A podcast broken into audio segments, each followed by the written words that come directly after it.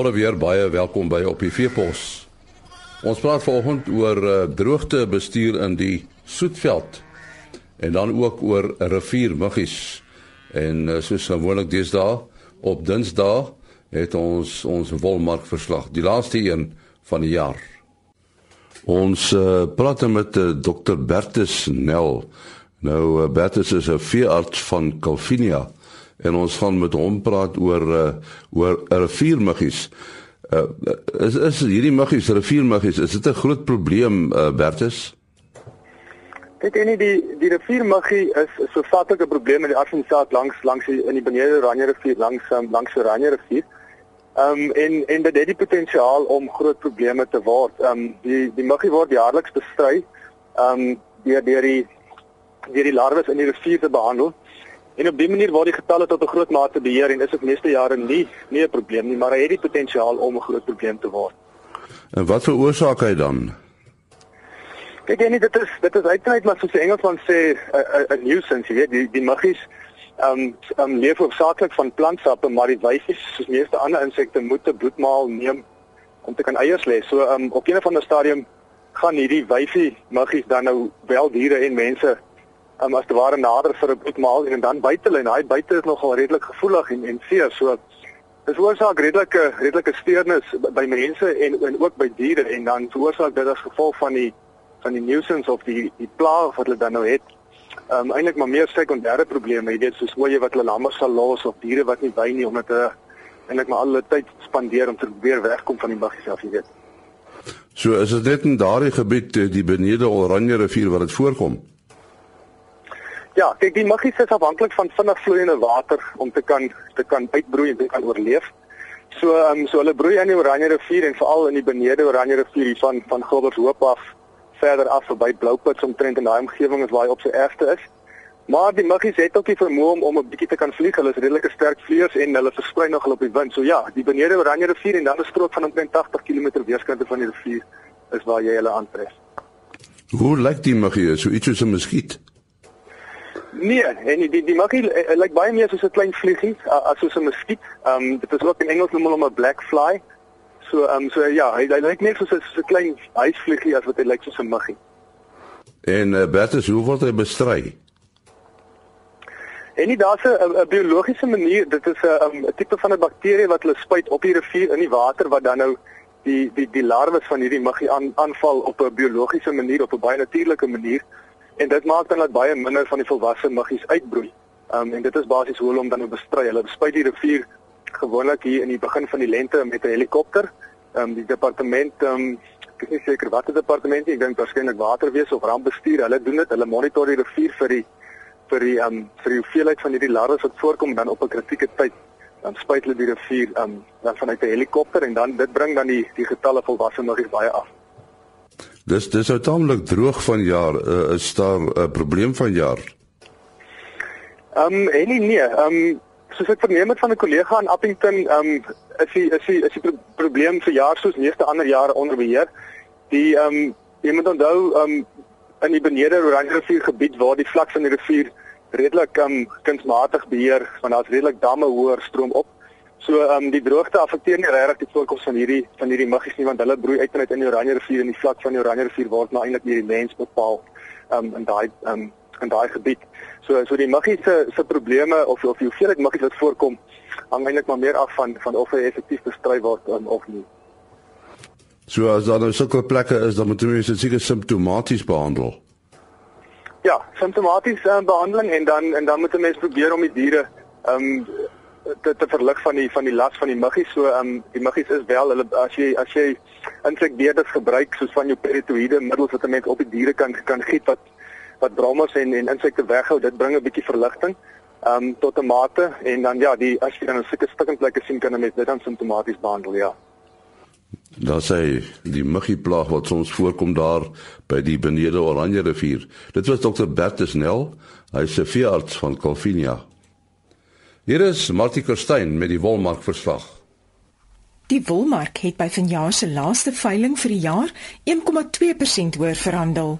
Die Cape Wools Merino aanwyser het met 173 punte gestyg en teen 'n waarde van R141,45 per kilogram skoonwol gesluit. Die Cape Wools alle wol aanwyser het ook 0,8% gestyg. Die gemiddelde skoonwolpryse binne die verskillende kategorieë goeie langkamwol tipes was soos volg: 18 mikron styg 1,4% en sluit teen R155,19 per kilogram. 18,5 mikron versterk 2,7% om te sluit teen R152,50 per kilogram. 19 mikron verhoog 1,9% en sluit teen R149,27 per kilogram. 19 mikron styg met 1,4% en sluit op R145,46 per kilogram.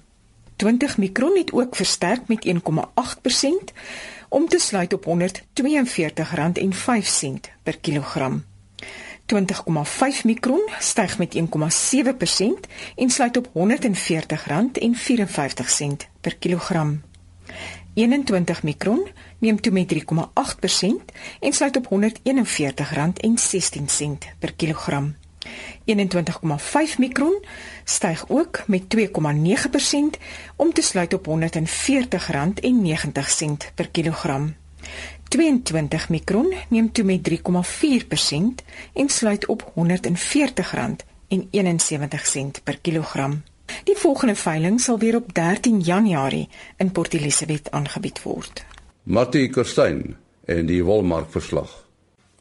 Ons uh, gesels nou met Dr Mias van der Westhuizen. Hy's 'n navorser aan die Glen Landbou College naby Bloemfontein. En ons gaan 'n bietjie met hom praat oor uh oor droogtebestuur in die Soetveld. Nou uh dit is natuurlik uh, baie baie aktueel op die oomblik want uh, ons land die ervare droogte. Uh wat wat is die belangrikste faktore wat 'n mens uh, vir goeie veldbestuur in gedagte moet hou uh Mias? Jong, ja, ek dink goeie veldbestuur gaan ons maar daaroor dat jy moet genoeg kos van 'n voldoende kwaliteit reg deur die seisoen vir jou diere kan gee. So met goeie veldbestuur moet ons dus nie net voorsiening maak vir kom ons sê nou maar somermaande nie. Maar ek moet ook kos kan oordra na my droë lente maande en ook na my vroeë somermaande, jy weet. Kom ons sê nou maar so vir Desember en Januarie. So dit beteken moet my altyd spaarveld wees. Uh ek moet maar altyd kampe hê wat ek spaar vir die lente maande en dan nou selfs, jy weet, tot en met Desember en tot en met Januarie. Dan natuurlik 'n volgende belangrike ding is, jy weet, een van die belangrike faktore van goeie veldbestuur is my veld moet in 'n gesonde toestand wees. So hy moet die vermoë kan hê om vir my baie goeie diereproduksie te kan lewer. En ek dink as ons 'n bietjie bietjie gesels oor veldtoestand Veldtoestand is een van die belangrikste indikatore wat boere kan gebruik om te bepaal is my veldbestuur effektief of nie? Jy weet as 'n eh, as onsmaaklike plante begin jou smaaklike plante verdring dan weet hy daar's fout met my veldbestuur en ek moet maar weer teruggaan na my beplanning toe en dit gaan oordoen. En weet dan ons kan nie praat oor goeie veldbestuur as ons nie ook gesels oor veelading nie jy weet dit is maar net so as my stelsel onder druk is as ek te veel diere op die plaas het dan is my smaaklike hoëgewenste plante is onder druk en hulle word maar vervang deur onsmaaklike plante en op die ou ende van die dag verswak my veld se toestand. So ek dink dis maar daai drie faktore wat 'n ou hoofsaaklik in gedagte moet hou. So as die veldtoestand goed is, dan sal hy uh, sal hy natuurlik droogte beter kan hanteer. Dis korrek. Jy weet uh, jy weet uh, as ou se veldtoestand goed is, jy weet goeie veld bestaan hoofsaaklik uit smaaklike uh meerjarige plante wat vir ou diereproduksie kan lewer. En die goed kan ook jy kan daai produksie van een seisoen na volgende seisoen toe oordra sonder kom ons sê min reën of met min reën of selfs met geen reën nie. terwyl as my veld in 'n swak toestand is, dan sit ek met plante wat 'n baie lae kwaliteit het. Ons dink maar aan ons steekgrasse. Het goed soos koperdraad, goed soos terpentyn, onsmaaklike plante.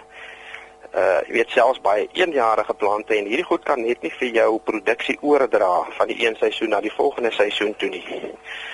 Uh ons het 'n baie goeie voorbeeld. Jy weet as jy dink veld is mos maar eintlik 'n dinamiese stelsel en hy bestaan uit 'n klomp plante wat mos nou verskillend reageer onder droogte toestande. Nou 'n goeie voorbeeld is as ons nou na die weste gedeelte van die land toe gaan, kry ons 'n groep plante jou Stipagrostusse of jou Bushmangrasse. Nou hierdie plante het absoluut vermoë om met geen kos of met geen reënval vir ons diereproduksie te lewer in die volgende seisoen nie. Jy weet die die Kalahari boere praat van blou top En jy weet dit is as daai Bushman gras, hy is absoluut dood bo grond. Hy het hy het so vaal swart kleur, maar as jy die diere in die kamp injaag, dan gee jy vir jou diere produksie. Die die probleem is natuurlik as ek nou my veld swak bestuur, dan trek ek daai spesies uit en dan het ek net nie meer dan het my veld net nie meer die verboë om vir my in 'n droogte kos te voorsien nie. Ons het 'n strawwe droogte op die oomblik. Watter raad sou jy aan boere gee? Ja, jy weet, ek dink dit is maar erg. Ek dink die die die droogte wissel maar van gebied tot gebied. Uh ek dink daar's nou al baie geskryf en gepraat oor hoe moet 'n ou die droogte oorleef? Die belangrikste ding bly maar jy weet, jy moet maar jou vee getalle afneem. Jy moet maar van jou vee bemark.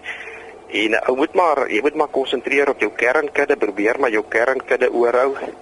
En jou kernkudde is maar daai diere wat vir jou volgende jaar gaan lammers of kalvers produseer. So op hierdie stadium met die boere na seker die ou diere van die ou diere ontslaag geraak. Jy weet ek het uh jong diere dalk in voerkrale af, uh, afgerond en bemark. En uh, ou kan so 'n bietjie, jy kan so 'n bietjie kyk na jou vervanging, jy kan sny op jou vervanging.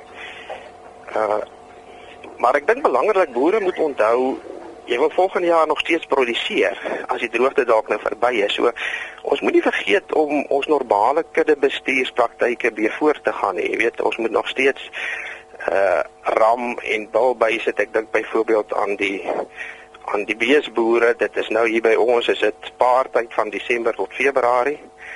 So sit maar bulbuis en sit maar ram by as 'n ou moet.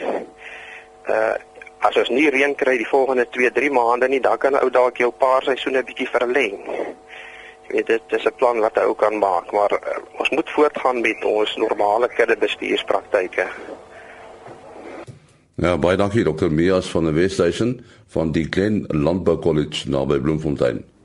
Môreoggend om 4 voor 5 is ons terug. Tot dan, mooi loop.